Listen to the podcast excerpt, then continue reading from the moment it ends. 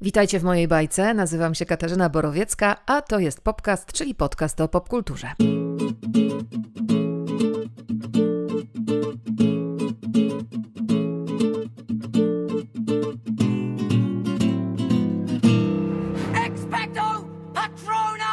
Patronkom i patronom, czyli patronusom podcastu ukłon i podziękowanie na początek przesyłam za gotowość wspierania nie tylko dobrą energią. Macie moją gorącą wdzięczność. A w 26 epizodzie podcastu przede wszystkim będziemy czytać. Jędrzej Pasierski debiutował w 2018 roku kryminałem Dom bez klamek, a razem z nim debiutowała komisarz Nina Warwiłow. Wracała w kolejnych częściach, Roztopach, Czerwonym Świcie i niedawno w Kłamczuchu. Nina zaskarbiła już sobie sympatię czytelników, a za Roztopy Pasierski dostał nagrodę wielkiego kalibru dla najlepszej powieści kryminalnej 2019 roku. O Ninie Warwiłow, o Beskidzie Nickim i o kryminalnej edukacji. Swojej własnej Jędrzej Pasierski opowie dziś w popkaście ale sięgniemy też na półkę z komiksami. Po znakomitym debiutanckim tomie Totalnie nie nostalgia, narysowanym przez Jacka Frąsia, Wanda Hagedorn proponuje teraz komiksowy esej Twarz, brzuch, głowa, memuar graficzny, stworzony razem ze znakomitą ilustratorką, graficzką, a także autorką filmów animowanych Olą Szmidą. Spotkałyśmy się na internetowych łączach, żeby porozmawiać o tej ich wspólnej pracy i o współczesnych kobietach. A zaczynamy, jak zawsze, od krótkiego przeglądu obejrzanych i przeczytanych przeze mnie. Ze sporym poślizgiem, przyznaję, ale natrafiłam wreszcie na dwie produkcje, które mnie urzekły i całkowicie pochłonęły. Josh, what is this? It's a French stick. Australijski serial Please Like Me, stworzony przez Josha Thomasa, z Joshem w roli głównej, w roli dwudziestokilkuletniego chłopaka, z którym w pierwszym odcinku zrywa dziewczynę, ułatwiając mu jednocześnie coming out przed samym sobą. Przyjaciółki, przyjaciele, partnerzy, rodzice Josha to barwna grupa bohaterów, za którą instynktownie i z wielką sympatią, coraz większą właściwie z każdym odcinkiem, podążamy, jednocześnie śmiejąc się i wzruszając. Josh jest trochę dziwakiem, jego tata po rozwodzie związał się ze sporo młodszą May z Tajlandii, a mama Josha ma chorobę afektywną dwubiegunową i za sobą kilka prób samobójczych. I tutaj oczywiście otwierają Wam się pewne schematy, którymi mógłby pójść scenarzysta takiej produkcji, ale nie, tutaj żadnych schematów nie znajdziecie. To jest bardzo oryginalna historia o byciu sobą, o byciu dla innych także, o emocjonalnych e, wzlotach i upadkach i o tym, że wcale nie musimy nikogo udawać. So I invented this game called Penis or Not Penis. No, thank you. That sounds like a stupid game. A druga historia, mm, która mnie tak bardzo wciągnęła, to serial o miłości. Love, taki jest tytuł. Stworzony przez Judah Apatow, czyli króla komedii z lekką dawką niestosowności i tandem w pracy i w życiu, czyli Leslie Arfin i Paula Rasta. That'll be 235. Dude, I don't have my wallet. Can I pay you back later? This isn't a charity. I'm good for it. I'll come right back. You know what? I got this. Zaczyna się od spotkania w spożywczaku. Ona przyszła po kawę i fajki, ale zapomniała portfela. On za nią płaci. On jest geekiem, ona ma problem z alkoholem. Gdyby spotkali się 10 lat wcześniej w liceum, to pewnie on bałby się do niej podejść, bo jej wojowniczy temperament aż bije po oczach. Ona pracuje jako producentka w radiu, a on jest nauczycielem dla dziecięcych aktorów na planie popularnego serialu. Ale tak naprawdę marzy o tym, żeby być scenarzystą. Kiedy się zejdą, często będzie iskrzyć, ale będzie to też dla obojga przyspieszony kurs radzenia sobie w życiu. Parę znanych twarzy tu zobaczycie, a w rolach głównych Gillian Jacobs, na pewno pamiętają ją fani serialu Community, i współtwórca serialu Love, czyli Paul Rust, który tutaj gra jakąś wersję samego siebie, bo inspiracją dla postaci Miki i Gasa i ich związku byli Leslie i Paul, też różni jak ogień i woda. And a pack of cigarettes? Uh, pack of smokes. Parliament. Te dwie produkcje znajdziecie na Netflixie. Na HBO z kolei wciągnie Was bez reszty mm, serial dokumentalny Dama i Dale. Dama to Elizabeth Carmichael, bizneswoman, która w latach 70., w czasach kryzysu paliwowego, promowała trzykołowy, oszczędny samochód Dale. I już w pierwszym odcinku tej produkcji mamy mm, akcje i kolejne tajemnice, które wystarczyłyby na co najmniej kilka hollywoodzkich blockbusterów. I nie chcę Wam psuć przyjemności odkrywania tej historii. Dama i Dale to jest świetnie zrealizowany, niezwykle wciągający, dynamicznie zmontowany i doprawiony bardzo pomysłowymi sekwencjami animowanymi czteroodcinkowy serial w sam raz na dwa wieczory. My name is. Na HBO także kolejna odsłona, może nie przygód, ale żmudnej pracy śledczej Kormorana Strajka i jego współpracownicy Robin Ellicott. Zabójcza Biel zamyka się w czterech odcinkach. Muszę powiedzieć, że lubię klimat tej historii. Nie sensacyjnej, nie epatującej mordem, wciągającej w sposób no, umiarkowany, ale jednak wciągającej. Doceniam bardzo obsadę tutaj. Tom Burke i Holiday Granger e, w rolach głównych mają wystarczającą, a właściwie z nadwyżką chemię i charyzmę i dzięki nim ta historia sporo zyskuje.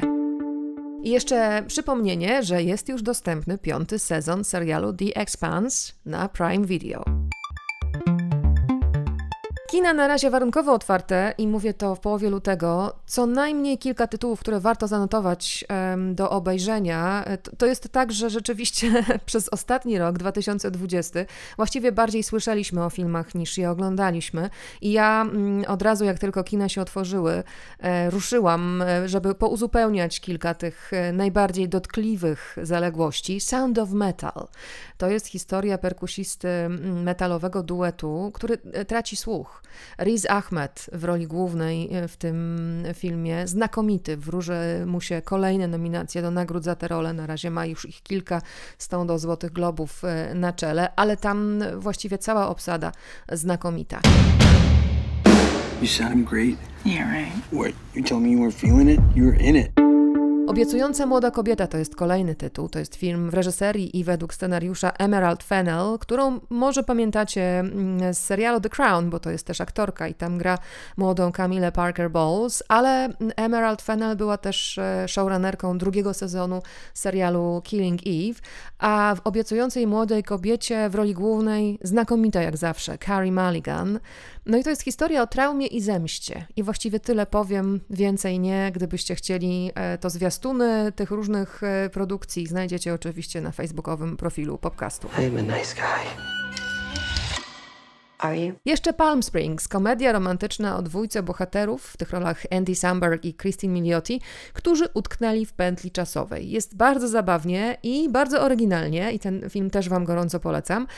A gdybyście nie mieli dość historii e, o tym samym dniu przeżywanym na nowo przez bohaterów, to na Prime Video bez wychodzenia z domu zobaczycie też bardzo zgrabną i bardzo pomysłowo zrealizowaną mapę małych, doskonałych rzeczy. Ona i on są tutaj o dekadę młodsi niż dwójka z Palm Springs, trochę mniej zblazowani, trochę bardziej jeszcze wierzą w cokolwiek i bardzo miło się to ogląda. A teraz pora na lekturę i pierwszego gościa. Komisarz Nina Warwiłow wraca w Beskid Niski, gdzie ma korzystać z urlopu razem z kilkuletnią córką, a jednak, jak się domyślacie, nie jest jej dane odpocząć. Mała, zamknięta na obcych społeczność, różne interesy i interesiki, skrzętnie skrywane tajemnice, bliższa i dalsza przeszłość, która jak zawsze w takich sytuacjach powraca. Kłamczuch Jędrzeja Pasierskiego ukazał się pod koniec stycznia, a z Jędrzejem spotkaliśmy się oczywiście na łączach internetowych. E, zanim zapytałam go o teraźniejszość, to wróciliśmy do przeszłości i do, nazwijmy to, kryminalnej edukacji przez czytanie. Słuchałam Twojej rozmowy z, a właściwie Michała Nogasia, rozmowy z Tobą z Radia Książki. Bardzo mi się spodobało to, co powiedziałaś o tym, że kryminały to są takie bajki dla dorosłych. Bardzo jest mi bliskie to podejście. E, więc zanim Cię zapytam o Ninę i o ten ostatni tom, to chciałam Cię zapytać e, o Twoją edukację kryminalną, że tak powiem, bo z różnych wywiadów dowiedziałam się, że zaczynałeś wcześniej, zaczynałeś od Agaty Christie, więc zanim zająłeś się tym zawodowo, zanim zająłeś się tym życiowo, byłeś już mocno wyedukowany zapewne. Które nazwiska i nie tylko autorów, ale też e, słynnych detektywek i detektywów tobie są najbliższe i jakoś kołatały ci w głowie, kiedy tworzyłeś Ninę? Tak, no to jest taki, e, można powiedzieć, mój konik wręcz. Dobrze wyłapałaś, że e, że ja się trochę na tym wychowałem, bo po prostu miałem też starszą siostrę, która E, bardzo wcześnie zaczęła czytać. Można powiedzieć, że była jakimś rodzaju takiego geniusza czytelnika, to znaczy, że czytała w zasadzie już kiedy miała 6-7 lat po parę książek dziennie. I e, no ja nie byłem na tym poziomie intelektualnym, więc najpierw prosiłem ją, żeby opowiadała mi te historie kryminalne, bo ona zaczęła czytać Agatę Christie, jak miała właśnie te 7-8 lat, przypuszczam. E, ja pewnie też wystartowałem mniej więcej w jej wieku, więc też myślę, że może miałem 8-9, kiedy przeczytałem 10 Murzynków i to był pierwszy kryminał, który przeczytałem w życiu i pierwszy Agaty Christie. Myślę, że dobrze zacząłem i to jeszcze było w takich specyficznych okolicznościach, dlatego że my mieszkaliśmy e, dużo częściej w domu bez prądu. E, więc czytaliśmy przy lampach naftowych. I e, było coś takiego charakterystycznego z tym, z tym czytaniem książek, że jak się pochylałem nad książką, być może już byłem trochę zmęczony wieczorem, to zaczą, się palić włosy. Więc pamiętam, że czytałem te 10 murzynków jako ten dziewięciolatek. No, no bałem się, bo, bo ta książka jest dobrze napisana, jak taki thriller. Nie wszystkie książki Agaty Christie mają, mają ten poziom lęku, ale akurat ta ma. No i właśnie pamiętam, że spaliłem sobie włosy. Później e, stopniowo wchodziłem w kolejne książki Agaty Christie. E, częściowo znałem już rozwiązania, dlatego że ja jestem takim e, tym rodzajem czasami czytelnika i człowieka, który zaczyna od deseru. Czyli dasz mi powiedzmy jedzenie w samolocie, to ja zacznę od deseru, nie? Ale trochę żartuję, trochę nie. Zaczynasz od Od rozwiązania? Prosiłem moją siostrę, żeby podawała mi rozwiązania zagadek, e, więc na przykład potem czytałem książki, znałem już rozwiązanie zagadki, e, no ale sporo też kryminałów czytałem powiedzmy od początku, nie? Więc tak, natomiast zawsze najbardziej lubiłem tę część, no myślę, że każdy najbardziej lubi rozwiązanie, nie? To, ten, ten deser. No i potem wchodziłem, powiedzmy, że jeszcze w kolejnych detektywów. E, czytałem w zasadzie wszystko. Właśnie to, to takie dziwne, bo nie czytałem tych powieści detektywistycznych dla dzieci. E, no one też nie są powiedzmy jakieś, znaczy okej, okay, to trochę dużo powiedziane dlatego, bo, bo czytywałem Bagdaja. E, Bagdaja lubiłem, natomiast głównie czytałem właśnie te powieści dla dorosłych z takiej literatury anglosaskiej oraz te takie hard-boiled amerykańskie też zacząłem wcześniej czytać. E, to znaczy Chandlera i przede wszystkim Hameta, do którego zapałałem szczególną miłością już jako dorosły człowiek, oraz e, inspektora Megre francuskiego, więc można powiedzieć, że czytałem taką absolutną klasykę. I to było moje wychowanie kryminalne w zasadzie od Mam wrażenie, że w tym wieku, być może w tym wieku od 9, może do 14 roku życia, gdzie zaczęły mnie trochę bardziej interesować imprezy, to w zasadzie chyba przeczytałem największą ilość kryminałów w życiu. Więc w twierdzeniu, że wcześniej zacząłem, jest absolutnie, absolutnie dużo, dużo prawdy. Też gdzieś e, wspomniałeś o tym, że niekoniecznie ta skandynawska e, fala cię pociąga. To dlaczego? E, myślę, że przyczyn jest wiele. Wydaje mi się przede wszystkim te kryminały skandynawskie trochę zimne. W literaturze szukam ciepła, szukam pewnej ciepłej społeczności, ciepłego świata i tak dalej. Każdy, kto czytał Agatę Christie, wie, że ten świat jest przytulny. Oczywiście daremne są pewne imitacje Agaty Christie, dlatego że trzeba sobie zdać sprawę, że to był jej świat. Świat tych pułkowników, którzy wracają z Indii, świat tych pokojówek o imieniu Gladys, e, świat tych e, pięknych kobiet o imieniu Rosamond i kobiet, które nie są piękne, ale są interesujące i mają charakter o imieniu Judith. E, no tak mówię przysłowiowo, no bo tak można powiedzieć, że ona operowała pewnymi, pewnymi stałymi wzorcami jest światem powiedzmy ciepłym, takim angielskim na wskroś, te herbatki, te puddingi i tak dalej i, i zbrodnia w międzyczasie, tak? Więc jest tam ciepła atmosfera. Tak samo w tych powiedzmy kryminałach innych, zwłaszcza u Hameta, coś jest, zwłaszcza w papierowym człowieku. Ten świat Nowego Jorku, lata 30., prohibicja, świetna relacja między bohaterami, też rodzaj takiego, takiego ciepła, które z tego bije. I teraz przejdźmy do kryminałów skandynawskich one są być może ich główną taką cechą nadrzędną, taką super jest ten realizm, prawda? Że to są takie kryminały realistyczne. Ale po pierwsze, dla mnie tam ta fabuła nie jest taka ciekawa, w większości z nich. Nie ma, nie ma tych takich fajnego skomplikowania zbrodni. Ja lubię jednak, jak e, morderca jest nie tyle jakimś psychopatą, czy jakimś właśnie przemocowym człowiekiem, ile jest tym takim właśnie sprytnym graczem, który próbuje wykiwać Herkulesa Poirot, prawda? Albo Panny Marple, mówiąc, mówiąc kolokwialnie. I tego też mi trochę brakuje w tych kryminałach skandynawskich. Mam wrażenie, że o ile książki są grube, o tyle intryga kryminalna tam wcale nie jest taka bogata, e, natomiast jest bardzo dużo tych wątków takich obyczajowych, e, obyczajowych i, e, i takich właśnie społecznych, które oni uwielbiają często, zwłaszcza tam Mankel i tak dalej, prawda? Dodam jeszcze tak na koniec, że tam seryjnych morderców. I seryjni mordercy to absolutnie nie jest coś, co mnie, co mnie pociąga. Nigdy nie czytywałem powieści z seryjnymi mordercami. Dla mnie po prostu morderca, który jest pozbawiony pewnego motywu, morderca nieracjonalny albo choćby niepoczytalny, nie jest ciekawy. E, właśnie ciekawe jest to, że jak masz tych 10 osób i nie masz pojęcia, w której się kryje zło, a nie, że wiesz, że ktoś e, morduje, dekoruje te zwłoki i tak dalej i wiadomo, że jest psycholem. Kiedy się czyta twoje e, książki, to nie jest się narażonym na brutalność, turpizm, naturalizm, opisy które niedawno wytknięto debiutującemu w znaku bodaj pisarzowi kryminałów, prawda? I zrobiła się spora afera e, zakończona przeprosinami od wydawnictwa i od autora, że scena tam była gwałtu bodaj, która była rzeczywiście bardzo naturalistycznie i bardzo brutalna i bardzo naturalistycznie opisana. A u ciebie rzeczywiście jest coś, co można nazwać nie tyle spokojem, co właśnie jakimś taki, jakąś taką delikatnością, która, która właśnie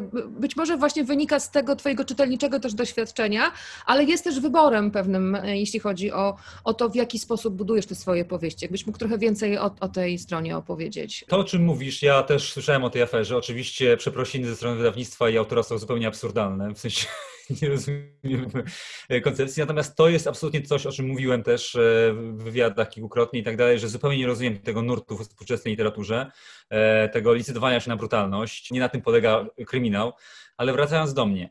E, tak, masz rację. W zasadzie można powiedzieć, że ja w ogóle redukuję tę brutalność, bo ona jeszcze była taka ciutkę większa w domu bez klamek gdzie tam powiedzmy, że on był dosyć brutalnie zamordowany, ofiara na starcie, ale w gruncie rzeczy z tyłu głowy miałem to, że ja nie chcę tej brutalności i że cały czas będę pewnie zmierzał w stronę tego takiego właśnie bardziej kryminału, takiego czystego.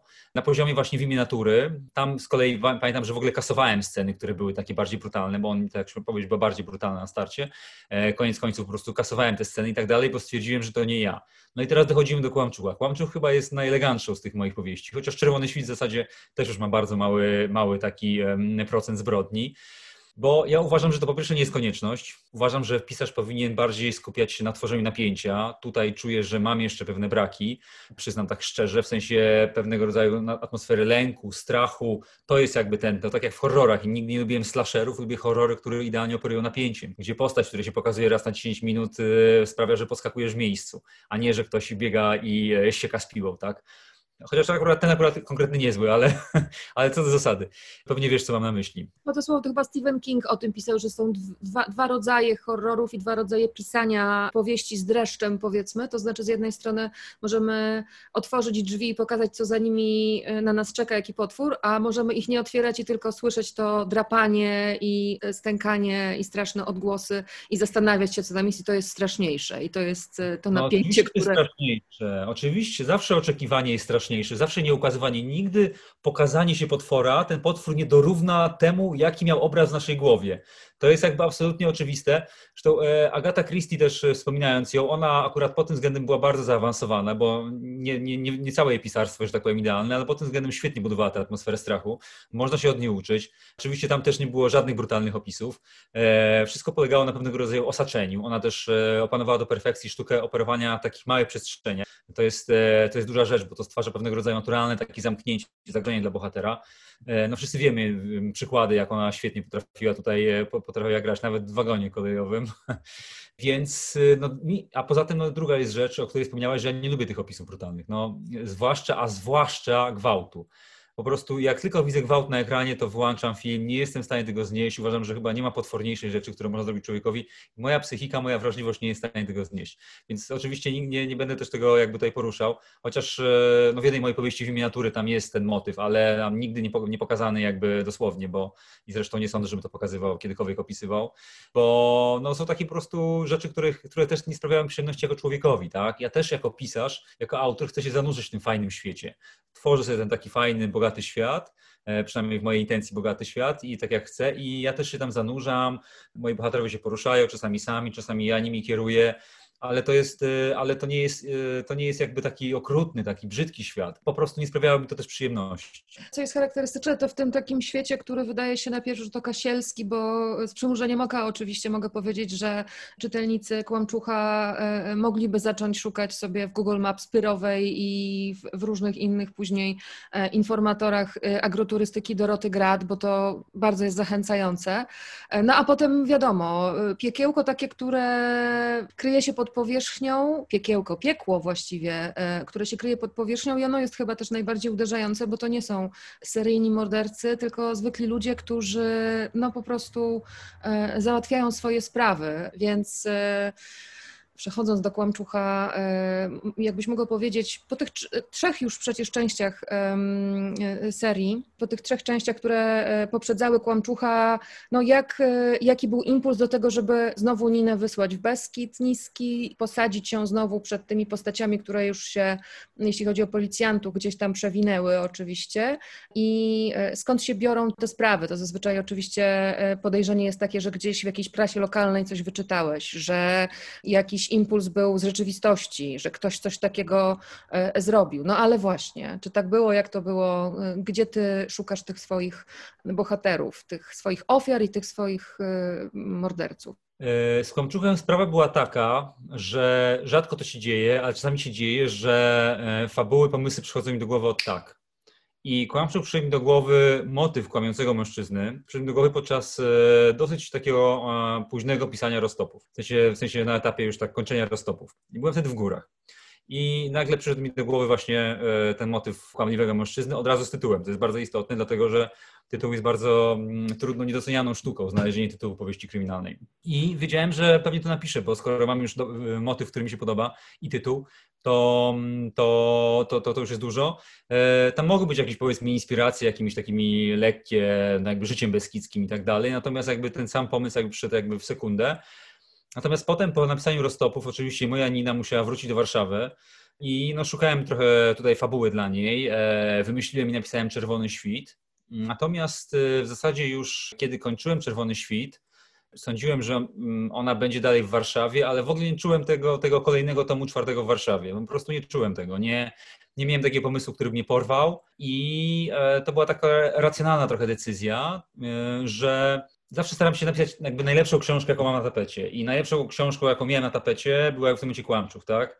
E, Nie mogłem go napisać bezpośrednio po roztopach. Moja Nina musiała wrócić, pozałatwiać różne sprawy i tak dalej. Poza tym to byłoby za dużo, jakby Beskid po Beskidzie. Ale w tym momencie, jak napisałem właśnie Czerwony Świt, e, to stwierdziłem, dobra, to teraz w takim razie jest czas na Kłamczucha. To było półtora roku, e, w zasadzie, no jakieś półtora roku temu. To takie właśnie trochę absurdalne, bo gdzieś tam nawet y, zetknąłem się chyba z takim zdaniem, że napisałem Kłamczucha bardzo szybko, co nie może być nic bardziej mylnego, dlatego że jest to książ- część i w ogóle książka, która najdłużej, praktycznie dwukrotnie dłużej niż nad innymi książkami.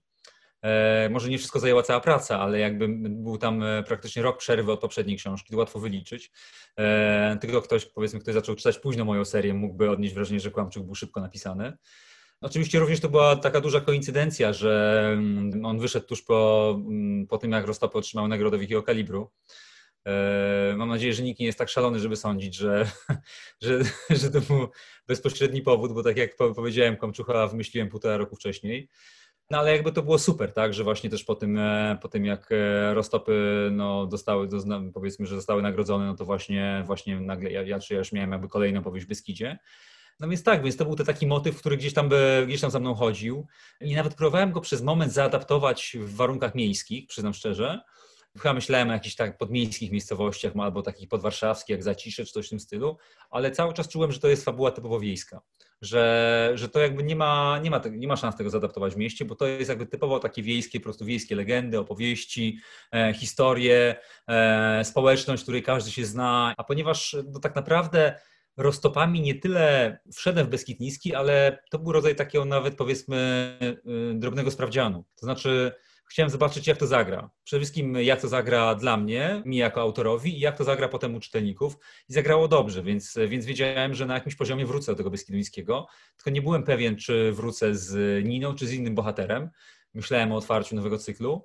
Ale ponieważ, tak jak powiedziałem, wydawała mi się to najciekawszy taki motyw, który miałem na, w tym momencie na tapecie, najbardziej nieprzekonujący, to stwierdziłem, że nie ma na to czekać i, i właśnie teraz jakby Nina, Nina, wraca, Nina wraca w góry. No. No to rzeczywiście y, mnóstwo też wątków związanych z miejscem się pojawia, wiadomo, ale powiedziałeś, że jako czytelnik lubiłeś e, zaczynać od deseru i jako pasażer linii lotniczych też lubisz zaczynać od deseru, ale jako pisarz i jako twórca kryminalnej fabuły, oczywiście tu są różne prawidła, którymi trzeba się kierować. Są konkretne wyznaczniki, jeśli chodzi o ten gatunek, ale chciałam Cię zapytać o, o Twój warsztat, o technikę, którą oczywiście y, sam mówisz, z każdą powieścią y, też y, udoskonalasz, dopracowujesz i tak dalej, i tak dalej, ale gdzie się zaczyna? Ten pierwszy, pamiętam jak rozmawiałam y, przy okazji premiery serialu Netflixowego W głębi lasu z Harlalem Cobenem, to on mówi, najpierw jest obraz pierwszy, na przykład mężczyzna z synem zakopujący zwłoki w, w lesie, a potem wiem, co jest na końcu, co jest pomiędzy, nie wiem.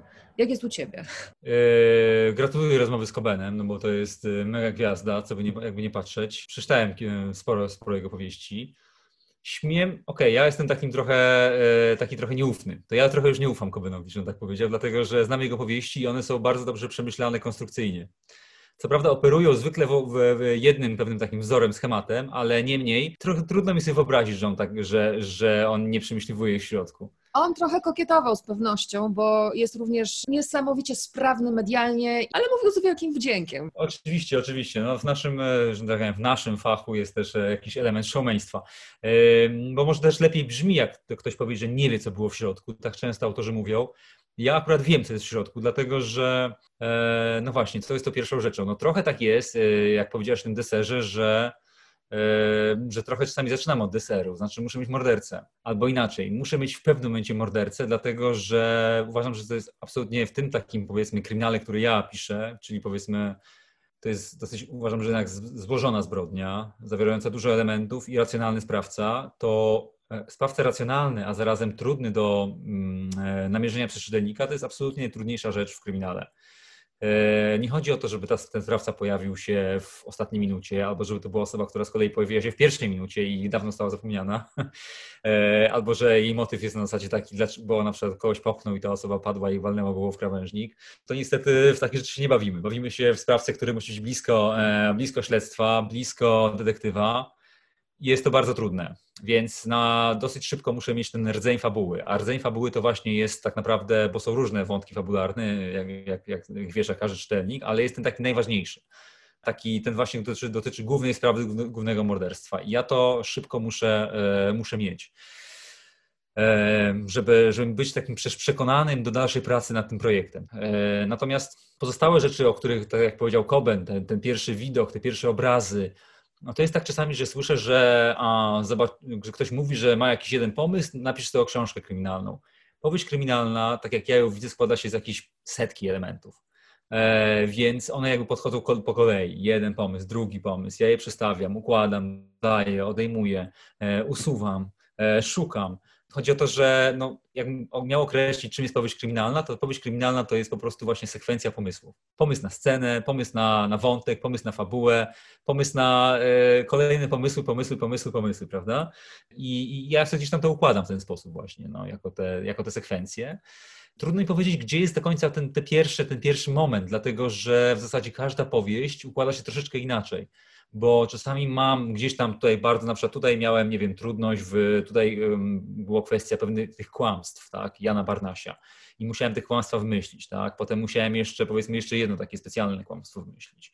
Więc to jakby ta, taka cała sztuka, żeby zarazem te kłamstwa były, e, żeby one były, ale zarazem, żeby jakby nie było ich za dużo, żeby to wszystko jakoś płynnie i sprawnie w powieści umieścić. No tutaj miałem taką dużą trudność, ale w innych książkach jest i gdzie indziej trudność, tak? Na przykład, nie wiem, e, w Rostopach, gdzie mogą mieć w Rostopach trudność. No, mm, Okej, okay, w Rostopach akurat, akurat, mi się zaskakująco łatwo pisało, ale, ale, ale chodzi mi o to, że zawsze gdzieś jest taka kluczowa trudność, którą gdzieś tam ja muszę pokonać. No. Więc y, nie mam jakby jednej reguły, natomiast po prostu każdą, każdą książkę muszę przynajmniej w pewnej mierze rozpracować e, zawczasu.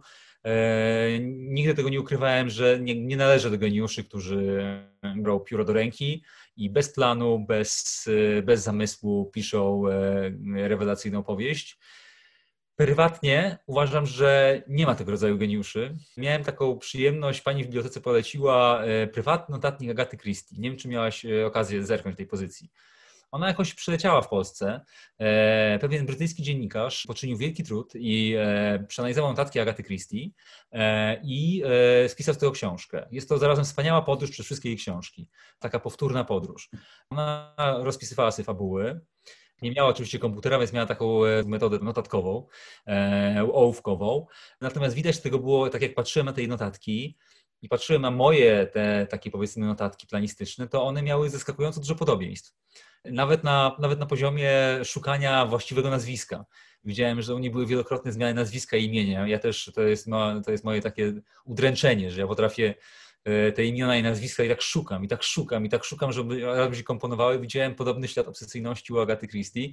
Więc e, skoro no, zaobserwowałem u mojej, e, może nie tyle mistrzyni, ale no, kobiecie, na której się wychowałem literacko, detektywistycznie, coś takiego, no, to tym bardziej się upewniłem w takim moim e, właśnie przypuszczeniu, że no, dobra powieść kryminalna, jak chcesz napisać dobrą powieść kryminalną, tak jak ja rozumiem dobrą powieść kryminalną, to musi ją rozpracować. To ja w takim razie zapisuję sobie, żeby gdzieś odnaleźć tę książkę. Ale mówiłaś o tych trudnościach różnych związanych z stworzeniem fabuły, ale myślę, że jeśli chodzi o serię z kolei kryminalną, to Bardzo trudno pewnie jest stworzyć bohatera lub bohaterkę, za którą e, czytelnik będzie podążał przez kolejne części, a Nina jest taką bohaterką, za którą się e, podąża. I z tego co pamiętam, to też jakaś nagroda, która do ciebie trafiła w związku z tą serią, to też była za stworzenie właśnie Niny Werwiłow jako bohaterki. To, o czym mówisz, to jest, e, to jest drugie wyróżnienie w konkursie Czarny Kapelusz Poznańskiego Festiwalu Kryminału Granda. To był konkurs na pięciolecie, zdaje się, i tam było właśnie na postać, co było ciekawe, i tam moja Nina dostała, dostała, dostała drugie wyróżnienie. Można powiedzieć taki brąz, tak. Ale no. Bardzo, drogą próbujecie zapytać teraz o, e, no, o Ninę. Czy pamiętasz jeszcze wasze pierwsze spotkanie? Może tak e, Tak, tak. E, ja ci powiem, że ja ogólnie Ninę Warwiło wpiszę w dużej mierze intuicyjnie. Właśnie to jest takie specyficzne, że o ile powiedziałem, że w zasadzie fabułę rozpracowuję, bo nie do końca, bo, bo to, jest, to jest pewna logiczna konstrukcja, o tyle Ninę piszę w dużej mierze intuicyjnie. I potem e, mam takie czasami wrażenie, że w sumie fabuła fabułą, ale czytelników dobrze, ale co, co Nina, nie?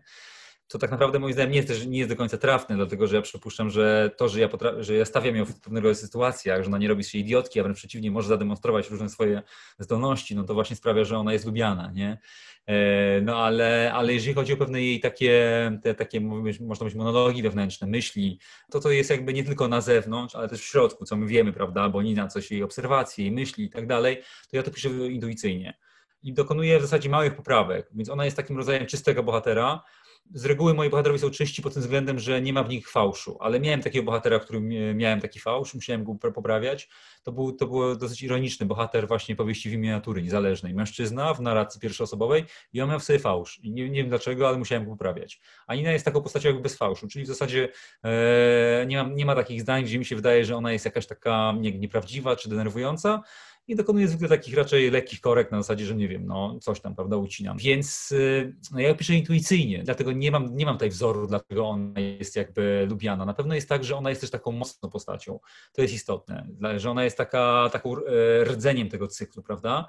No bo no, trudno, żeby czytelnik podążał za postacią, która na zasadzie niby jest e, ważna, ale w zasadzie tam jest na piątym planie czasami, nie? Bo coś tam, bo coś. Nie, ona jest jakby, to jest seria o Ninie Warwiłow i ja wiedziałem, że inne postaci, nawet jeżeli będą, to one nie mogą jakby konkurować z nią ważnością. To jest kolejna rzecz. Więc, e, więc to czyni tę serię też taką opowieścią o niej, prawda? Zagadki kryminalne, ale też opowieść o kobiecie, opowieść o Ninie Warwiłow. Teraz się tak przeskoczę może trochę, troszkę do tyłu, jeżeli chodzi o powstanie Niny, tak? No bo, no bo tak trochę pominąłem. E, no dla mnie to nie było oczywiste z powstaniem Niny Warwiłow i szukałem, szukałem trochę bohatera na serię, ale byłem taki właśnie zaślepiony i szukałem kogoś wielce oryginalnego. W tych moich notatkach wczesnych, e, z 2017 roku chyba, to tam myślę, że są takie przeróżne dziwne hasła, na przykład jakiś detektyw ze szklanym okiem, wiesz, tego typu, no takie jakieś absurdalne, takie po prostu, że coś, coś ciekawego, coś oryginalnego. Natomiast miałem takie odkrycie i tutaj jestem akurat bardzo wdzięczny tym Skandynawom wszystkim, e, bo miałem, taką, bo miałem już taki poważny kryzys, że przez miesiąc, bo wtedy no, takim byłem, e, w podziemiu pisałem, tak, e, też ponieważ rzuciłem etat, no to w zasadzie siedziałem i tak pisałem i miałem taki miesiąc kryzysu dużego i miałem takie właśnie odkrycie, że Dlaczego ja sobie tak cholernie utrudniam życie? Skoro Skandynawowie, jeden w drugiego, Mankel z tym swoim Walanderem, e, Nesbo z Harrym Hule, Haka Nesser, wymyślają postaci policjantów i one im świetnie idą do postaci policjantów, w ramach postaci policyjnej tworzą bohaterów, no to dlaczego ja nie mógłbym też po prostu stworzyć policjanta, czy właśnie policjantki jako najbardziej wiarygodnej współczesnej śledczej, najbardziej wiarygodnej, bo współcześnie w kryminale prywatny detektyw jest taki trochę passé jakby nie pasuje. No, to pokazuje przykład troszeczkę dla mnie e, Rowling, czyli Roberta Galbraitha. No, tam ten detektyw nie gra za dobrze. To, nie jest, to, to już nie są czasy Herkulesa Poirot, to są trochę czasy policjantów. Tylko właśnie w ramach tego, że ona jest policjantką, właśnie stworzyć tej osoby, stworzyć tej postaci. Więc nadałem, nadałem jej ramy, tak. E, no pomogło mi też to, że właśnie ta decyzja, że ona jest, e, że ona jest kobietą, dlatego że miałem takie właśnie doświadczenie w tym pisaniu takim zupełnie podziemnym, że mi się dobrze pisało te postaci kobiece. E, w zasadzie płynniej niż męski. Chyba tak do tej pory jest wręcz, że jakoś te postaci kobiece mi leżą, więc pomyślałem, że okej, okay, skoro jest policjantką i to nie jest jakieś bardzo oryginalne, ale jest kobietą, to zawsze będzie trochę ciekawiej i będzie miała naturalny konflikt pracy w szowinistycznym środowisku zainspirowany literaturą rosyjską trochę, bo zawsze byłem w tym kręgu, miałem też fantastyczne lektoraty na studiach, gdzie czytaliśmy klasyków rosyjskich w oryginale, dyskutowaliśmy o nich e, i zainspirowany trochę tym i w ogóle moim zainteresowaniem literaturą rosyjską, przyszło mi do głowy, że chciałem, żeby ona też była taka skądś indziej też, nie? Nie tylko z Polski. Więc, e, więc została półrosjanką po ojcu. No i tak jakby dokładałem jakby element do, element, kawałek do kawałka, ale suma summarum powstała raczej szybko. Ale też e, pamiętam, że mówiłeś, opisując te doświadczenia z pierwszą książką i jej odbiorem, że tworzyłeś policjantkę właściwie nie mając żadnej wtyki w, w policji i e, nie robiłeś żadnego researchu związanego właśnie z tym, jak ta praca wygląda, tylko też pracowałeś intuicyjnie i ktoś dał do przeczytania policjantce tę książkę i okazało się, że trafiłeś ze wszystkim. Więc chciałam Cię też o research zapytać. Znaczy, co musisz sprawdzać? Ile tutaj pracy wkładasz jeszcze dodatkowej, właśnie mm, związanej z jakąś dokumentacją, z czymś, co, e, no, co po prostu musi zostać e, sprawdzone, zapisane na fiszkach i później wykorzystane w czasie pisania? Tak, to jest w ogóle dużo takich e, zabawnych faktów, dlatego że Dom bez klamek jest naj, moją najdłuższą powieścią, moją pierwszą powieścią i powieścią najszybciej napisaną. Chociaż jak sobie o tym myślę, to wchodzenie w świat Dom bez klamek to było jakby jakbym wyszedł trochę bez wody na pustynię, bo nigdy nie pracowałem w, ani jako prokurator, ani jako policjant, więc y, moje pojęcie było tak naprawdę bardzo y, niewielkie. Więc po prostu pisałem, pisałem tak jak czułem. I dobrze, tak jak, tak jak powiedziałaś, rzeczywiście było coś takiego, że po napisaniu książki yy, wydawnictwo dało do przeczytania policjantce i ja byłem trochę przerażony, szczerze mówiąc, bo nie pamiętam, czy już podpisałem umowę, czy nie, ale miałem taką myśl, że zostanę zdemaskowany. Czy nigdy nie udawałem oczywiście, że mam wiedzę, ale że jakby wszystkie braki, nie? I właśnie ona napisała, że realia są dobrze oddane. Zapamiętam to zdanie do końca życia. Nie napisała, że nie nie wiadomo co, ale realia są dobrze oddane. I e, znając tę policjantkę, po czasami później z nią współpracowałem, widziałem, że naprawdę to jest duży komplement w jej ustach. Chociaż miała tam jakieś poprawki, to, co ja robiłem, to było po prostu pisałem i posiłkowałem się różnego rodzaju, właśnie wszystkim, czym mogłem, czyli e, nie pomocą ekspercką, bo, bo to nastąpiło właśnie później ewentualnie, ale ustawami, czyli tym jakby na temat regulaminów pracy, pracy policji, e, miejsca zdarzenia, miejsca zbrodni, e, udziału biegłych, sekcji zwłok, to tak by można powiedzieć tak preprawnie, a dalej też popkulturą poniekąd, czyli też oglądałem filmy, e, seriale, oczywiście będę trochę krytycznym, ale jakby próbując wyłapać, wyłapać pewne rzeczy. Myślę, że to, tym mogłem wręcz zaszkodzić, dlatego że ta pierwsza wersja mojej powieści była pełna właśnie słów jak denat, E, jak e, jakiś tam, nie wiem, wywiad wiktymologiczny, jakby ta policjantka to powiedziała, że nikt tak nie mówi, chłopie. Więc to akurat mogłem nawet troszkę zaszkodzić tym, tą próbą takiego, e, takiego tego, ale na dała mi parę takich rzeczy, których nie możesz nigdzie wyczytać, że w policji wszędzie się składa raport. Raport o to, raport, raport o tamto. I to w ogóle tak pokochałem to słowo, że ona potem, jak czytała tam kolejne moje książki, to jest twoje najukochańsze słowo. Raport i zacząłem wręcz nadużywać tego słowa raport. Ale tak serio, to ja w ogóle uważam, że w ogóle zostałem pochwalony za to za bez klamek, że on dobrze oddaje realia pracy policji, no bo ja mam taką naturę, że zazwyczaj staram się wszystko zrobić dokładnie i starannie, tak na tyle, na ile mogę. Więc natomiast też miałem takie poczucie, że też trochę nie w tym rzecz i nigdy nie uważałem, że to jest jakby cykl policyjny, że to jest powieść policyjna. Więc na tyle, na ile jak mam tej policji, na tyle, na ile muszę mieć trochę. Bo tak naprawdę, żeby ta postać była wiarygodna, prawda? Bo ona jest policjantką i ona musi być policjantką. Ja chcę, żeby była policjantką. Ona ma broń, ona jest w organach ścigania, ona ma prawo wymagać od ludzi, że odpowiadają na pytania. Ona jest trochę nawet groźna czasami, prawda, Nina? Ma pewne cechy, które ja chcę, żeby ona miała, ale zarazem ja nie chcę wchodzić tak głęboko w ten świat policyjny. Też nie chodzi o to, żeby właśnie pisać denat, czy właśnie wywiad wiktymologiczny, tylko żeby to robić tak po prostu tak właśnie bardziej płynnie, tak bardziej życiowo, tak gładko, prawda, w ten sposób. Więc z czasem zacząłem nie tylko troszeczkę te, redukować te wątki policyjne nawet, ile też właśnie tak bardziej moja Nina w Kłamczuchu już nie powiedziałaby Denat, powiedziałaby ten facet zmarł wtedy, a wtedy, prawda, no bo, bo, bo po prostu bo tak się bardziej, tak się bardziej mówi, więc myślę, że chodzi o te realia, i te fakty policyjne tak bardzo właśnie płynnie wcielić w, w takie normalne życie. Tak to widzę. Ja specjalnie nie, nie, nie wnikam też w, w, treść, bo wiadomo, że jeśli się rozmawia o powieści kryminalnej, no to wszelkie e, zboczenie z głównej drogi w rozmowie może doprowadzić do tego, że o jedno słowo za dużo zostanie powiedziane i odbierzemy czytelnikom radość e, pochłaniania tej historii samemu. Ja tylko mogę powiedzieć, że ponieważ moja edukacja, jeśli chodzi o czytanie kryminałów, trwa już długo, to największą przyjemność zawsze sprawia mi w przeczytaniu kolejnych książek to, że rzeczywiście jestem zaskoczona i to mi się ostatnio rzadziej trafia, a tutaj, zwłaszcza przy kłamczuchu, miałam coś takiego, że nawet sobie tak podnosiłam brew.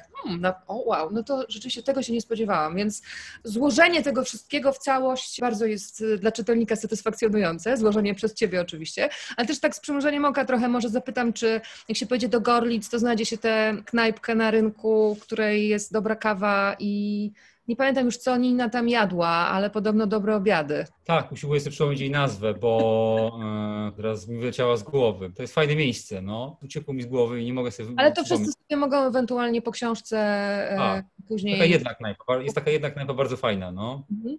I jeszcze to, co mnie, to, co mi się bardzo spodobało, to w pewnym momencie jest taka refleksja Niny na temat języka, jak się różni polszczyzna tamtejsza, bo wszyscy, wszystkim nam się wydaje, że polszczyzna jest wszędzie taka sama, a to jest absolutna nieprawda i e, każdy, kto się przeprowadzał z miasta na południu do miasta, powiedzmy w centrum albo na północy, wie, że zdarzają się słowa, których nikt nie zrozumie, tylko e, w tym konkretnym miejscu je zrozumieją, z którego się, z którego się wyszło, więc tutaj też e, uśmiechnęłam się czytając ten konkretny fragment.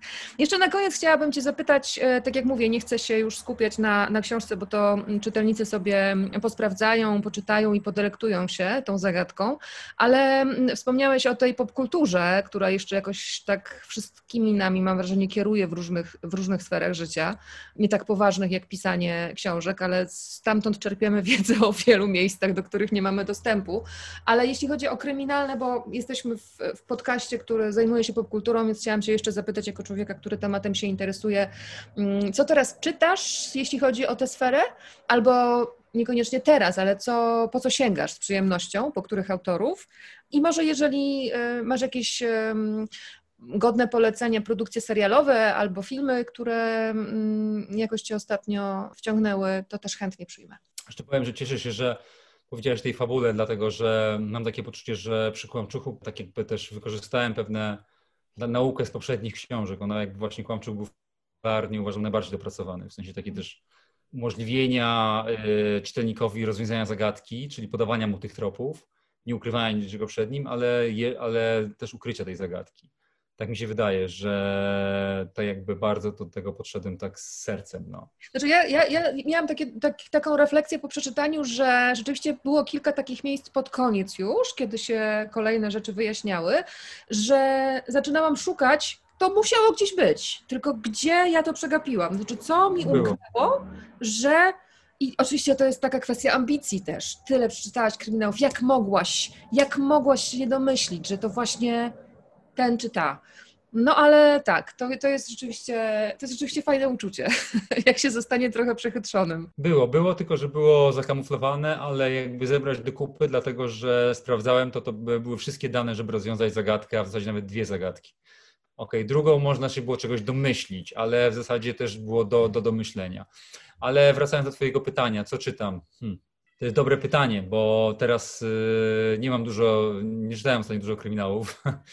Bardzo lubiłem tego Akunina kiedyś. Teraz, ale teraz na przykład kupiłem sobie parę polskich autorów. Mam dwóch chmielarzy, jednego Miłoszewskiego, jednego Szamałka i jednego Ćwieka e, Jakuba, więc to mam na tapecie ale y, może mi jeszcze troszkę czasu zająć, y, zanim to przeczytam, bo będę, bo muszę pisać moją książkę, a trudno się pisze czytając innych.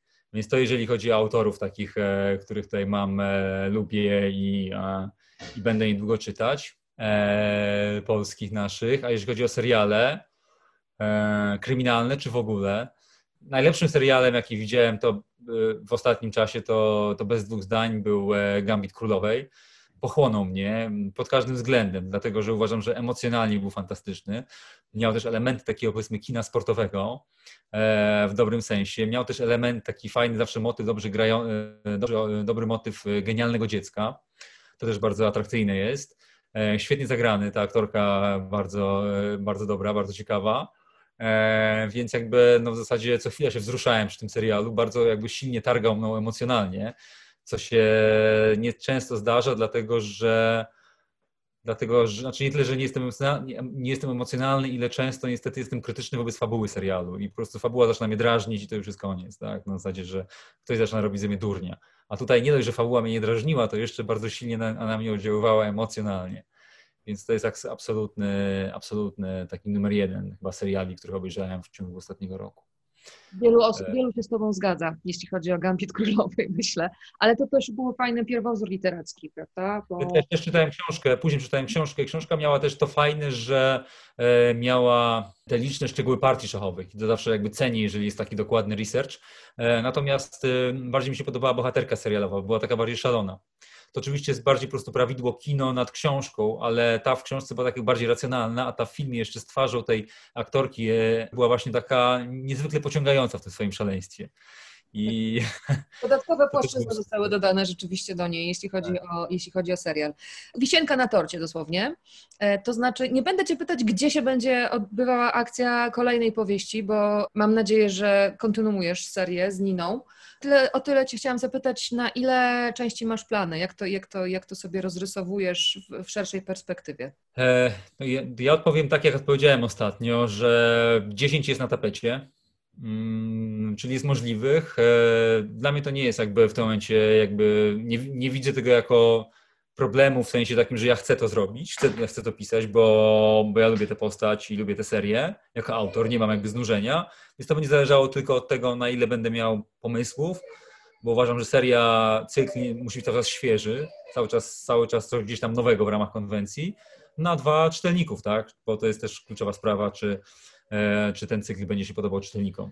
Ale 10 jest jakby na tapecie. Ja wiedziałem od razu w zasadzie, że trylogia, bo tak e, na, na początku jak pisałem Dom bez klamek, to myślałem o trylogii, bo wszyscy te trylogie pisali, wszędzie tu trylogia, tam trylogia. Ale szybko się zorientowałem, że jak masz fajnego bohatera, albo bohatera przynajmniej, którego lubisz, e, to, to jakby to trylogia to jest za mało, nie? Że, że więcej. Więc, więc w tym momencie 10 jest, e, jest, jest jakby tak, jest okej, jakby 10. Zobaczymy, co będzie jeszcze. Tak, jak ma- masz bohatera albo bohaterkę, którą lubisz, to jest zdecydowanie materiał na dłuższy związek. Jędrzej Pasierski, z wykształcenia prawnik, teraz autor powieści kryminalnych. I muszę powiedzieć, że te wspomnienia o czytaniu Agaty Christie przy lampie naftowej mnie urzekły. Sama łowię kryminały od lat i na papierze, i na ekranie. Ja bardzo lubię Nordic Noir, bardzo szanuję i te produkcje mm, serialowe czy filmowe, i oczywiście to, co się dzieje, mm, jeśli chodzi o powieści kryminalne w Szwecji, Norwegii, e, na Islandii. A oprócz wszystkich tych nazwisk, które z pewnością znacie, to podpowiem jeszcze jedno. E, Osa Jej cykl o prokuratorce z ciekawą, a niektórzy powiedzieliby nieciekawą przeszłością, Rebece Martinson. Bardzo cenię i szczerze mówiąc bardzo czekam na kontynuację, która niestety nie nadchodzi. Szkoda, sprawdzałam na stronie wydawcy Osy Larsson, nie ma żadnych informacji o szóstej książce. Mm. Szwedzi zakranizowali pierwszą z serii Burzę Słoneczną. E, W roli głównej wystąpiła Izabela Skorupko. Do kryminałów ciężko wracać, prawda? Ale powiem Wam, że ja do tych kryminałów e, Osy Larsson czasami zaglądam po kilku latach, żeby sobie przypomnieć ten styl i bardzo dużą pomysłowość, a także no, bardzo kobiece tematy, które Osa Larsson porusza, ale żeby to nie zniechęciło panów. W- Świetne historie mm, i bardzo ciekawie wymyślone zagadki kryminalne. No a teraz pora na zmianę wątku.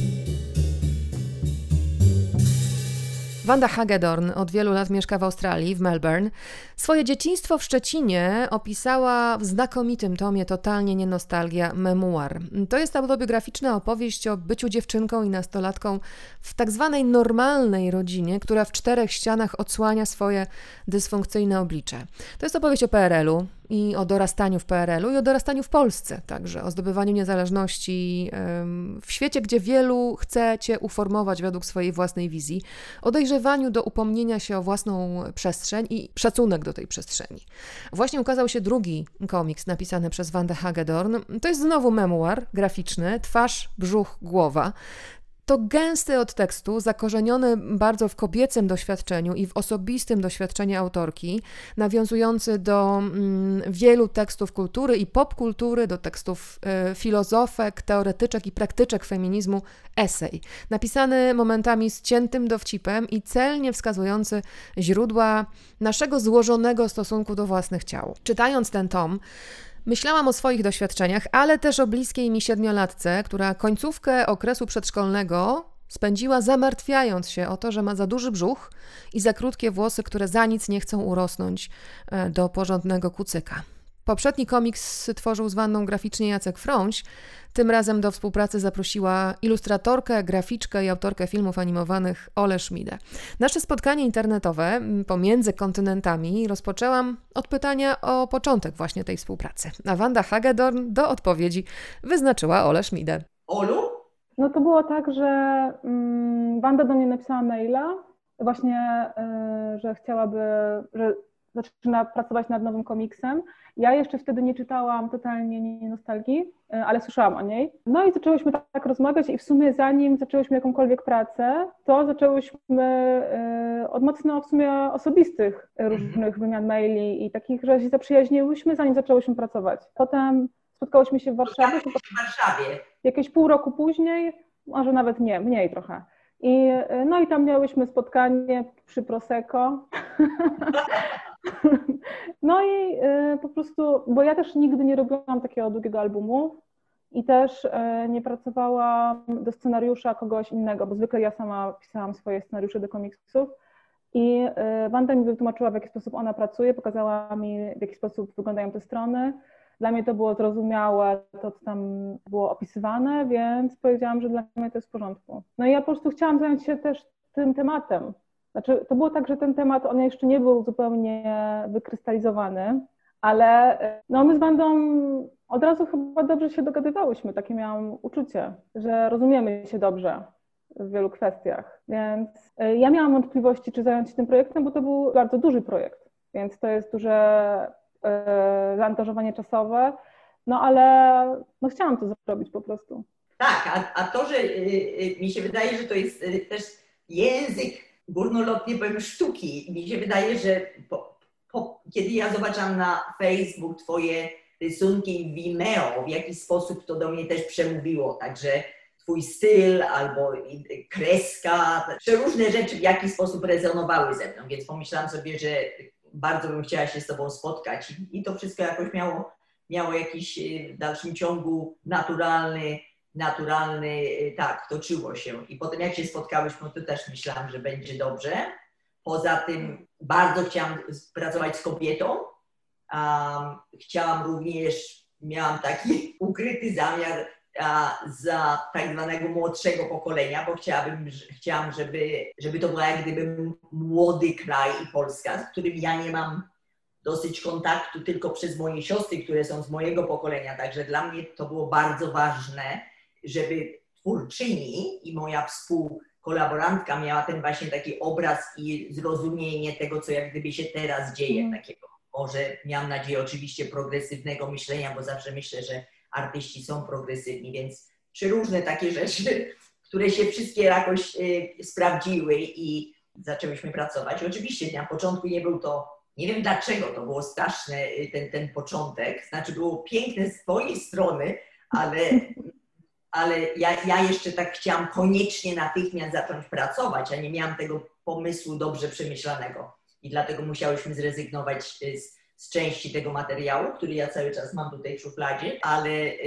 to dobrze jest, bo, bo tak się robi. Jest jakiś początek i widzimy, że widziałam, że w złą stronę poszłam i, i ty też powiedziałeś, że nie będziemy tego już używać, zacznijmy zupełnie na nowo. Mhm. Takie były początki, mhm. Kasiu. To jest bardzo ciekawe rzeczywiście, jeśli chodzi o ten proces, żeby sprawdzać, co się dzieje na początku w głowach twórców, twórczyń, żeby zobaczyć, no bo my mamy jako odbiorcy i odbiorczynie do czynienia z finałem E, z jaką już, jakąś już tą stałą, ostateczną formułą i formą, a to, co się dzieje pomiędzy jest niesamowicie ciekawe, ale też Wanda w takim razie, no muszę Cię zapytać o ten z kolei impuls, bo tutaj jest oczywiście w tej pierwszej części e, o ten impuls, który e, u kolorystki się pojawia, prawda? Ale skąd e, po totalnie nie nostalgii, no też bardzo osobistej, poruszającej e, i też takiej historii, w której każdy, myślę, czytelnik, czytelniczka znalazł jakiś element siebie.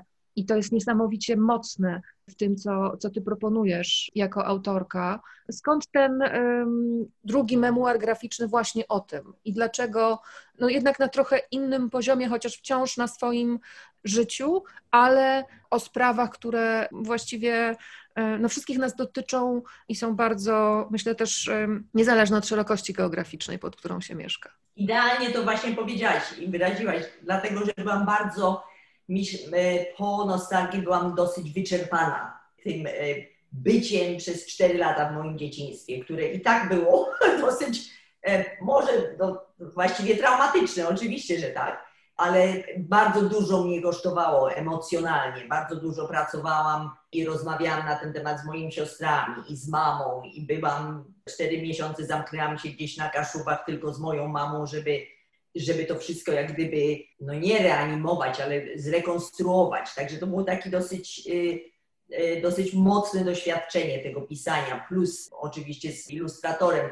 Także kiedy to skończyłam, tą bardzo emocjonalną taką wycieczkę w przeszłość i bardzo daleko do dzieciństwa, to chciałam po prostu odetchnąć i kompletnie zamknąć i nawet nie iść że na następny rozdział, na, następny y, jakiś etap, który też mogłabym opisać, tylko chciałam być teraz, w tym czasie, w którym zaczęło się bardzo źle dziać według mnie i pomyślałam sobie, że, że to jest ważne i że muszę chwycić ten moment.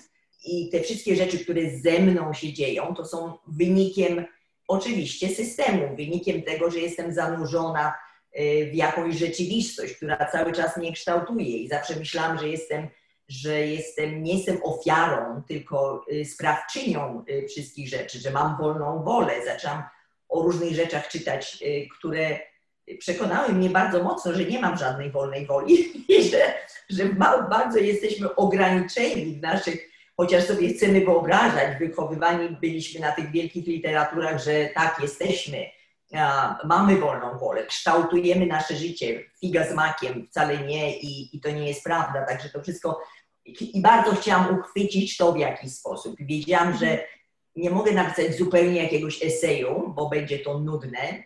Jednocześnie bardzo lubię medium komiksu, więc musi to być osobista historia, jednocześnie powiązana z piszącymi kobietami, autorkami, bo one są zawsze dla mnie super ważne i to jest takie właśnie takie siostrzeństwo i taka grupa, która mnie zawsze ratuje w jakichś y, złych momentach. I, I, dlatego to było takie y, bardzo współczesne. Chciałam teraz napisać o tym i również znaleźć się i pokazać mnie może w otoczeniu w Australii.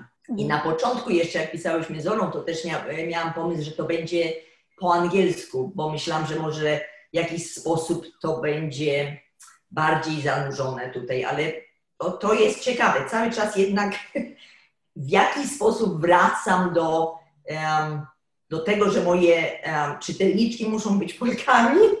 Nie wiem dlaczego tak jest cały czas. To też jeszcze muszę ze sobą jakoś e, wszystko przemyśleć. Także to była moja kobiety, do których to kierowałam.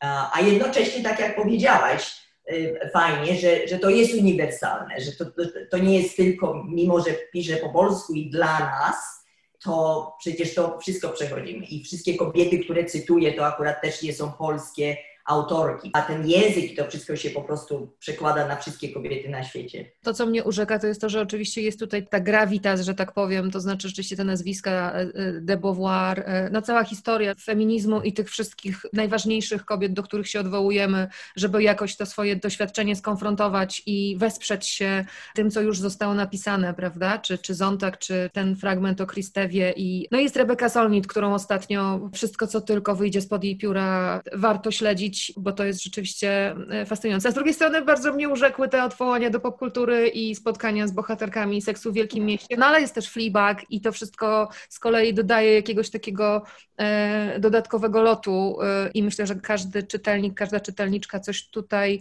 e, uszczknie dla siebie. No ale Wanda, to może Ciebie zapytałabym tak konkretnie o to ukobiecanie. Bo cóż to jest? No więc to już oczywiście wymyśliła um, dawno przede mną Simone de Beauvoir, bo powiedziała, że kobietą się nie jest, tylko się staje.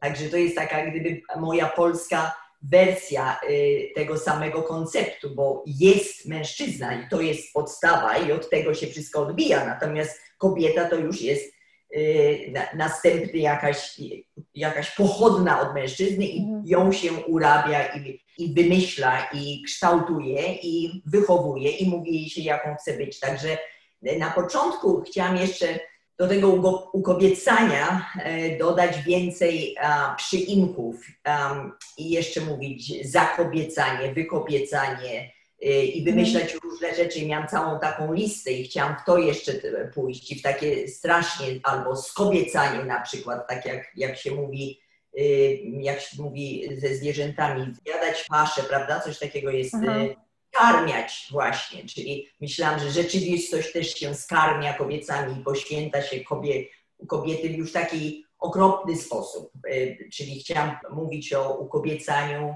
o formach ukobiecania, które są już tragiczne i, i okropne i, i po prostu to jest ym, przemoc oczywiście i, mm, i gwałt, ale ponieważ to nie było akurat kompletnie moje doświadczenie, to po, postanowiłam tylko po prostu pozostać przy tym, przy tym koncepcie i przy tym terminie ukobiecanie, czyli proces y, robienia nas, y, robienia z nas kobiet albo wrabiania nas w kobiety. To znaczy, że jest to ten, ten jakiś koncept, który y, kobiety, który jest, już istnieje, który został wymyślony, zaakceptowany przez y, system patriarchatu i przez mężczyzn indywidualnych i jest y, wygodnie jest z takim konceptem i wygodnie jest mężczyznom i systemowi z kobietą, która jest ukobiecona. To znaczy, która jest poddana, która jest, y, zna swoje role, która jest w dalszym ciągu matką, która jest jak gdyby stoi za mężczyzną i, i oczywiście czyni tego mężczyznę wielkim. To jest jej, to jest jej zadanie. A jednocześnie przede wszystkim musi być ukobiecana po to, żeby z siebie e, ukobiecać, żeby była piękna i śliczna i wiotka i żeby była po prostu przedmiotem. Przede wszystkim jak gdyby najbardziej funkcjonowała jako przedmiot. To jest XXI wiek, a dopiero się wyzwalamy z, ty, z tylu rzeczy przecież w dalszym ciągu. No, w Japonii muszą kobiety cały czas nosić y, wysokie buty, wysokie obcasy, nie mogą nosić y, okularów. Wiele, wiele miejsc w dalszym ciągu, myślę, w takich konserwatywnych jakichś firm, wyobrażam sobie prawniczych w Australii, też ma jakiś przepis, jak kobieta ma się ubierać. Owszem, może mieć ten jakiś kostium, ale musi to być kostium taki dosyć no, w miarę seksowny.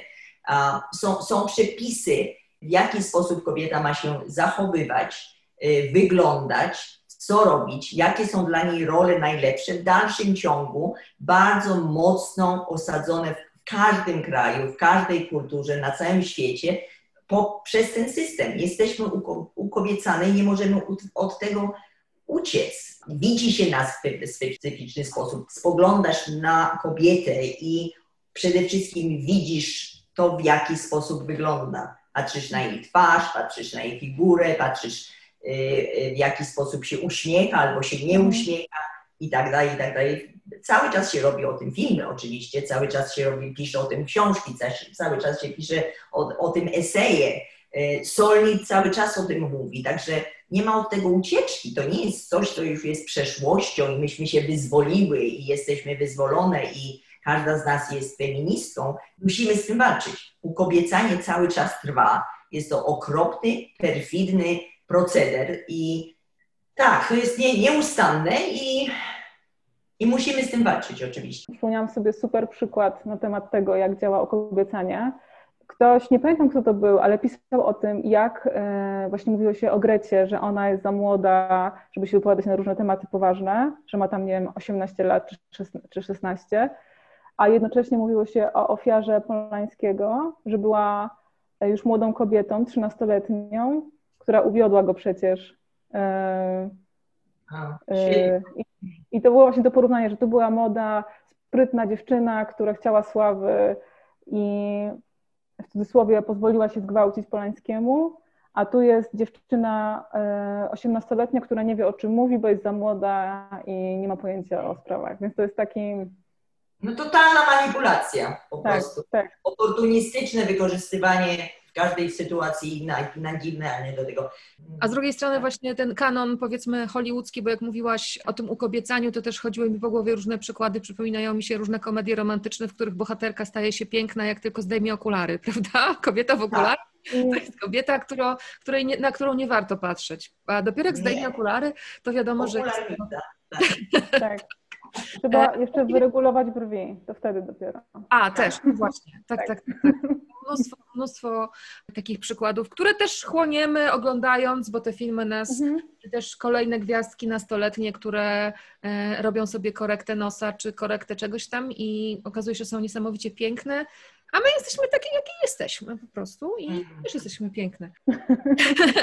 Nie, bo jeszcze chciałam właściwie Wanda zapytać, e, no bo jednak oczywiście ukobiecanie i tak dalej, ale też jest ten, e, ten motyw tutaj przemijania, zmian, które zachodzą w ciele. Ja jak czytałam e, to, co ty piszesz o, o starzeniu się, o, o zyskiwaniu lat, to sobie przypominałam e, swoją rozmowę z Agnieszką Holland o jej filmie Pokot. Nie wiem, czy, czy ten film widziałaś. Tam główną bohaterką jest kobieta po sześćdziesiątce, kobieta, która jest niewidzialna, Kobieta, jest, która jest traktowana jako, e, jako taka e, pszczoła, od której się opędzamy, taka mucha brzęcząca, gdzie nie pójdzie, do kogo się nie zwróci, to właśnie nikt z nią nie chce rozmawiać i wszyscy ją traktują z przymrużeniem oka.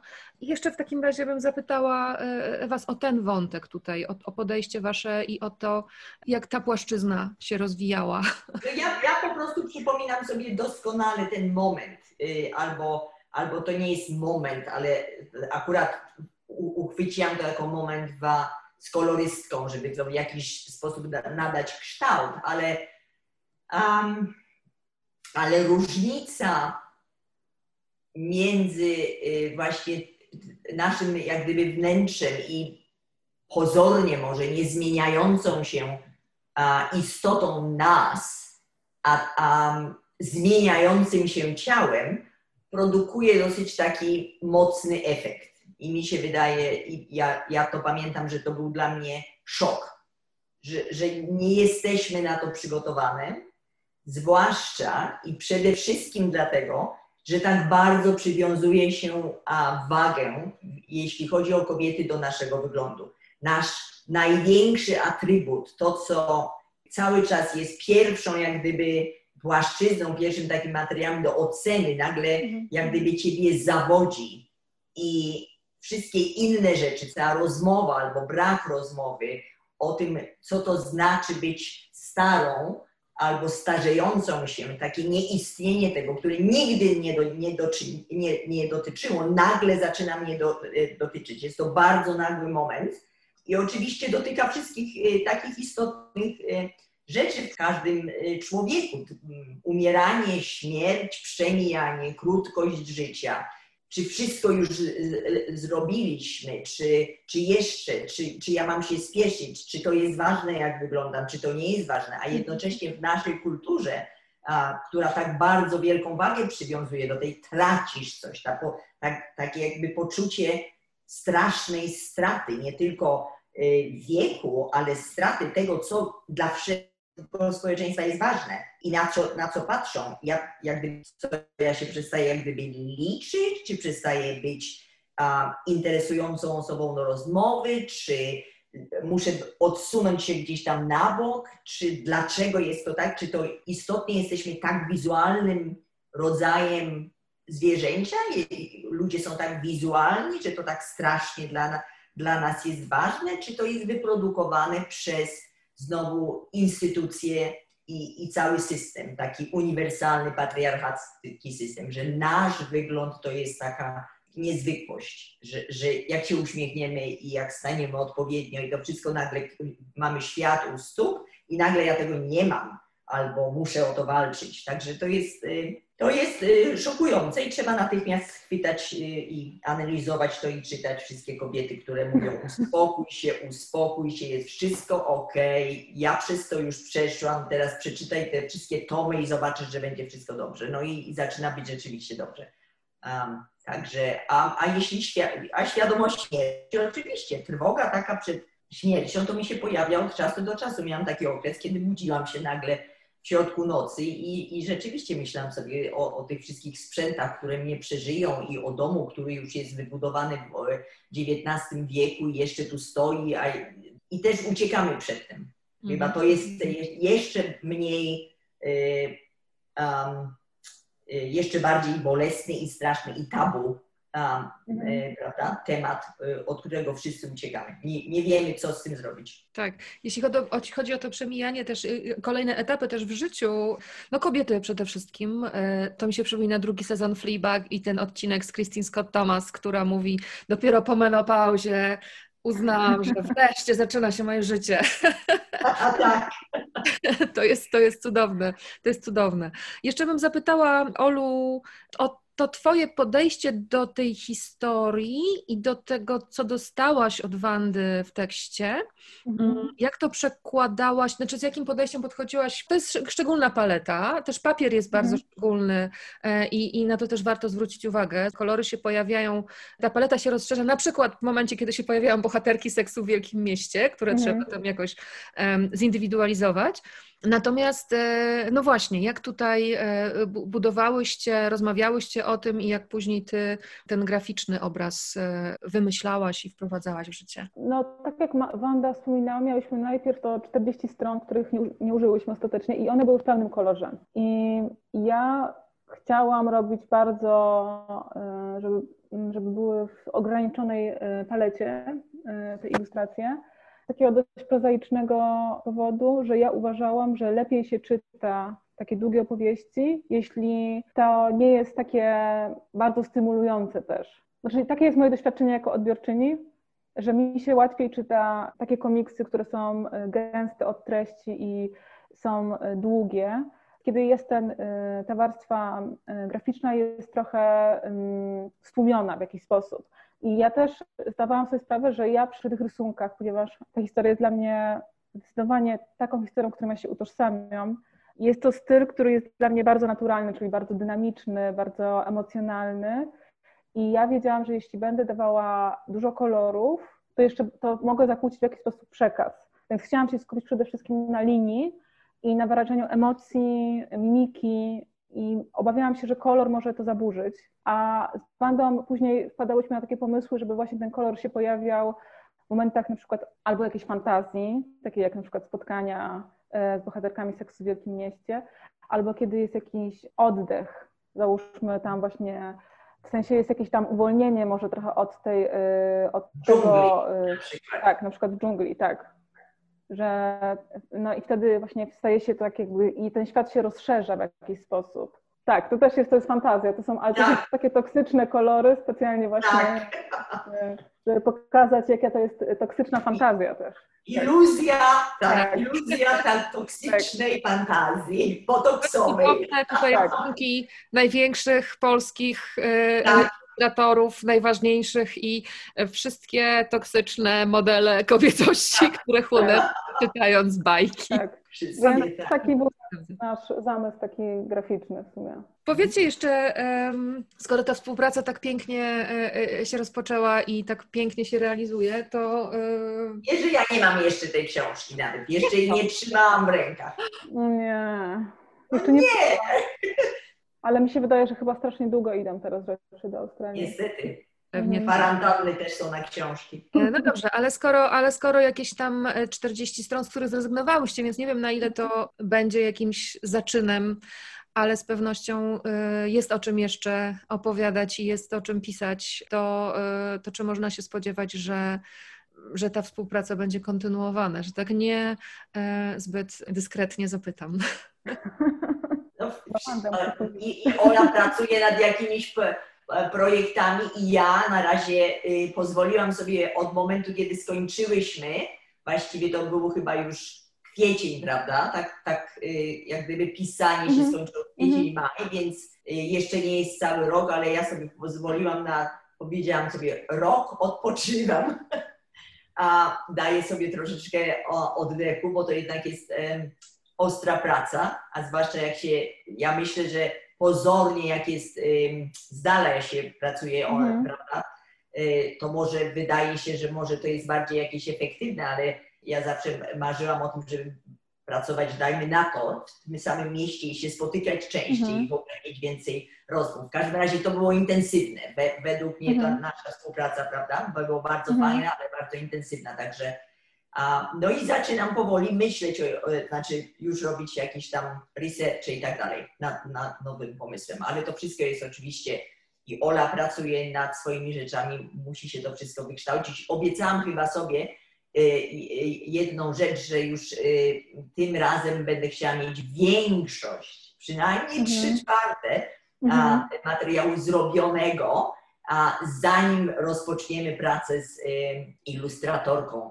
A, także to też będzie taki dłuższy troszeczkę okres, ale y, tak, oczywiście mam bardzo dużo pomysłów. Tamten, tamten niewykorzystany materiał jest, to było tylko chaos jakiegoś y, y, chaotycznego umysłu, który rzucał się we wszystkie strony, ale, ale jest ewidencja tego, tak. Także nie sądzę, że tamto, do tamtego materiału wrócimy. Każde doświadczenie przynosi kolejne y, nauki, także więc to jest rzeczywiście. uśmiechałam, oczywiście nie mam tego doświadczenia, ale jak powiedziałeś, że trzy czwarte musisz mieć, zanim przystąpisz już do rozmów z ilustratorką, to pomyślałam sobie, pewnie to jest ważne. E, Bo też mówiłaś, Wanda, że jak zaczęłyśmy pracować, że też te rysunki, co robiłam, one też wpływały w jakimś sensie na to, co pisałaś później, też było jakąś odpowiedzią na te rysunki, które ja robiłam. Tak, to jest bardzo ważne. To, to, to jest znowu jest, to jest fajne, dlatego że to jest y, wtedy taki jak gdyby bardziej, bardziej głęboka współpraca, dlatego że ja Mhm. bar, y, wtedy to mi kształtuje następny może sposób pokazywania albo sposób właśnie planowania kadru. Mhm. E, bo widzę w jaki sposób ty myślisz, albo w jaki Mhm. sposób to wygląda, w jaki sposób używasz kreskę i kolor i bardziej wtedy odpowiadam jak gdyby do Mhm. twojego y, sposobu wyrazu. To jest, to, to, to jest bardzo ważne. A z drugiej strony y, wprowadzałam się w taki stan paniki, że, że wiesz, że, że mamy już ten e, materiał już jak gdyby opracowany i ty pracujesz bardzo szybko. Ja jestem bardzo, w porównaniu z tobą to jest jak żółwica jestem, ale a, więc, więc się wprowadzałam w taki stan, o Boże, to już jest, Ola już wszystko skończyła, a tutaj coś mam jeszcze, musiałam cię w nocy gdzieś tam rzucać, także może dlatego chciałabym oszczędzić sobie tych stanów paniki, A, tak, bo bo jeszcze jedna panika na, na te wszystkie, wszystkie moje paniki, to już w ogóle nie. Także myślę, że trzy czwarte by się przydało. O, chociaż trzy czwarte, to by miała taki, taki, taki, taki troszeczkę spokój ducha, że, że jestem, ale ja chyba ci zafundowałam traumę, Wanda, też, bo ja napisałam ci któregoś razu, że musimy ustalić deadline. tak, tak, absolutnie, bo nad tobą coś też wisiało. Ja myślę, no to już w Tak. ogóle teraz jest koniec. Ja jestem surowa, no, to prawda. Ale piękne efekty z tego wychodzą. E, e, Wanda, jeszcze, jeszcze kończąc, e, już na koniec, bo oba Twoje komiksy mają ten podtytuł memoir, prawda? I ono jest, ono jest takie archaiczne, wręcz stylizowane, powiedziałabym, więc chciałam Ciebie zapytać o to, co to jest w Twoim Tak, dlatego że gatunkowo, jak do tego Oczywiście. jako autor. Na przykład na zachodzie memoir nie jest archaiczny. E, Jest to zupełnie. e, e, Bechdel to jest memoir, oba są memoiry. I, I nie jest to, to jest słowo, które w dalszym ciągu jest używane przez bardzo współczesne, bardzo popularne teraz. Są całe półki w księgarniach, na przykład au- bio- autobiografia, memoir, memoir. Także ono nie funkcjonuje jako właśnie coś, co tak jak ty mówisz, polskim jak gdyby to się przy... To, to, wiesz, ono jest precyzyjne, dlatego że po polsku to jakbyś to nazwała? To nie jest pamiętnik, E, Wspomnienie? to nie jest dziennik. Proszę? odzyskiwanie wspomnienia mi się kojarzy tutaj jako No proces. więc właśnie, ale to wtedy zaczyna być taki bardzo opisowy, ale żeby ująć gatunek, a gatunek memoir to jest właśnie, to nie jest autobiografia, to nie jest dziennik, to nie jest pamiętnik, to nie jest esej, a memoir to są, to jest bardzo ścisły gatunek wybierania tylko pewnych tematów ze swojego życia i ty, tylko tego, nie chronologicznie, możesz sobie skakać w tym wszystkim, ignorować chronologię, a tylko to jest na podstawie twojego życia pamiętam, ja pamiętam, to jest Mhm. moja pamięć i sobie pamiętam na ten temat i zbieram wszystko do kupy, które dotyczy się tego tematu. Także to jest bardzo fajny gatunek, który być może, nie wiem, zanikł, e, zanikł w Polsce, a jednocześnie bardzo e, przy nienostalgii mieliśmy całą debatę ze wszystkimi naszymi mężczyznami, oczywiście redaktorami, bo, bo właśnie też nie lubili tego, tego słowa. Mhm. A ja się upieram, że będzie memoir i chciałam bardzo postawić na swoim. No i w końcu wyszło, że, że będzie ten memoir. Także To jest, czyli w Polsce tak odbierane to jest, że jest to jakieś archaiczne słowo. Nie, ja, ja, też, ja też od razu mówię, że ja bardzo lubię to słowo i bardzo się cieszę, Aha. że ono się tutaj pojawia i właściwie ono mi się bardziej właśnie kojarzy czy z angielskim, czy z francuskim, bo tam y, myślę, że funkcjonuje, prawda, cały czas. Natomiast e, memuary e, w, w liczbie mnogiej po polsku to są właśnie takie pamiętniki, powiedziałabym, z, z dawnych czasów, prawda? Więc Tak. cieszę, że wracasz to słowo i ono się pojawia w tym kontekście takim bardzo współczesnym, a też jest powiedzmy właśnie dzięki temu, że tak jak powiedziałaś, ono funkcjonuje normalnie w angielszczyźnie czy, czy innych językach, to dzięki temu jest może bardziej takie mm, uniwersalne też i, Tak. e, i, i, i właśnie i, i, i to wszystko, o czym powiedziałaś, kryje w sobie, więc jest to świetne. Ja właśnie dlatego zapytałam, bo mnie bardzo się to podoba, że to jest memuar, że to nie jest nic innego, tylko że to jest memuar, bo tu wszystko jest. Bardzo Wam dziękuję. Chciałam tylko powiedzieć, że u, uczestniczył pająk w naszej rozmowie, ale jeszcze Wanda nie nadałaś mu imienia żadnego. Nie, ale jest wyjątkowo wielki. I jeszcze słyszałam, Ola, u Ciebie szczekanie za drzwi, więc muszę... Tak, tak. To jest hałeczka. Zawsze właśnie w podcaście e, zaznaczam obecność różnych czworonogów i wielonogów, bo, e, bo rzeczywiście bardzo często jest tak, że się odzywają przyjaciele nasi e, różni, więc e, warto zaznaczyć, że są, prawda? Tak, bardzo serdecznie oczywiście. Wam dziękuję i bardzo Wam serdecznie dziękuję i za to poczucie wspólnoty też, które się wytwarza przy czytaniu i przy obcowaniu z tym komiksem i za to, że możemy poczuć, że nie jesteśmy same dzięki temu. Tak mi się wydaje, że to jest ważne. Bardzo serdecznie dziękuję. Dziękuję Ja bardzo. dziękuję. Dziękuję bardzo. Wanda Hagedorn, Ola Szmida, autorki komiksu Twarz, Brzuch, Głowa, memuar graficzny. Bardzo, bardzo gorąco Wam ten komiks polecam. To już wszystko na dziś. E, Po więcej rekomendacji zapraszam Was na facebookowy profil podcastu i inne moje kanały społecznościowe. Łatwo mnie znaleźć po nazwisku. Jestem też na YouTubie, tam być może właśnie teraz słuchacie podcastu. A w środę i w piątki, przypomnę, od stycznia spotykamy się także w sprawach filmowych i serialowych w Radiu 357. Jeszcze raz z wdzięcznością macham do patronek i patronów podcastu, którzy odpowiedzieli na moją prośbę w serwisie patronite.pl i do Łukasza Borowieckiego, który zadbał o muzyczno-dźwiękową stronę podcastu. To był epizod 26. Ja nazywam się Katarzyna Borowiecka i wkrótce wracam z epizodem 27. Do usłyszenia i niech moc będzie z Wami.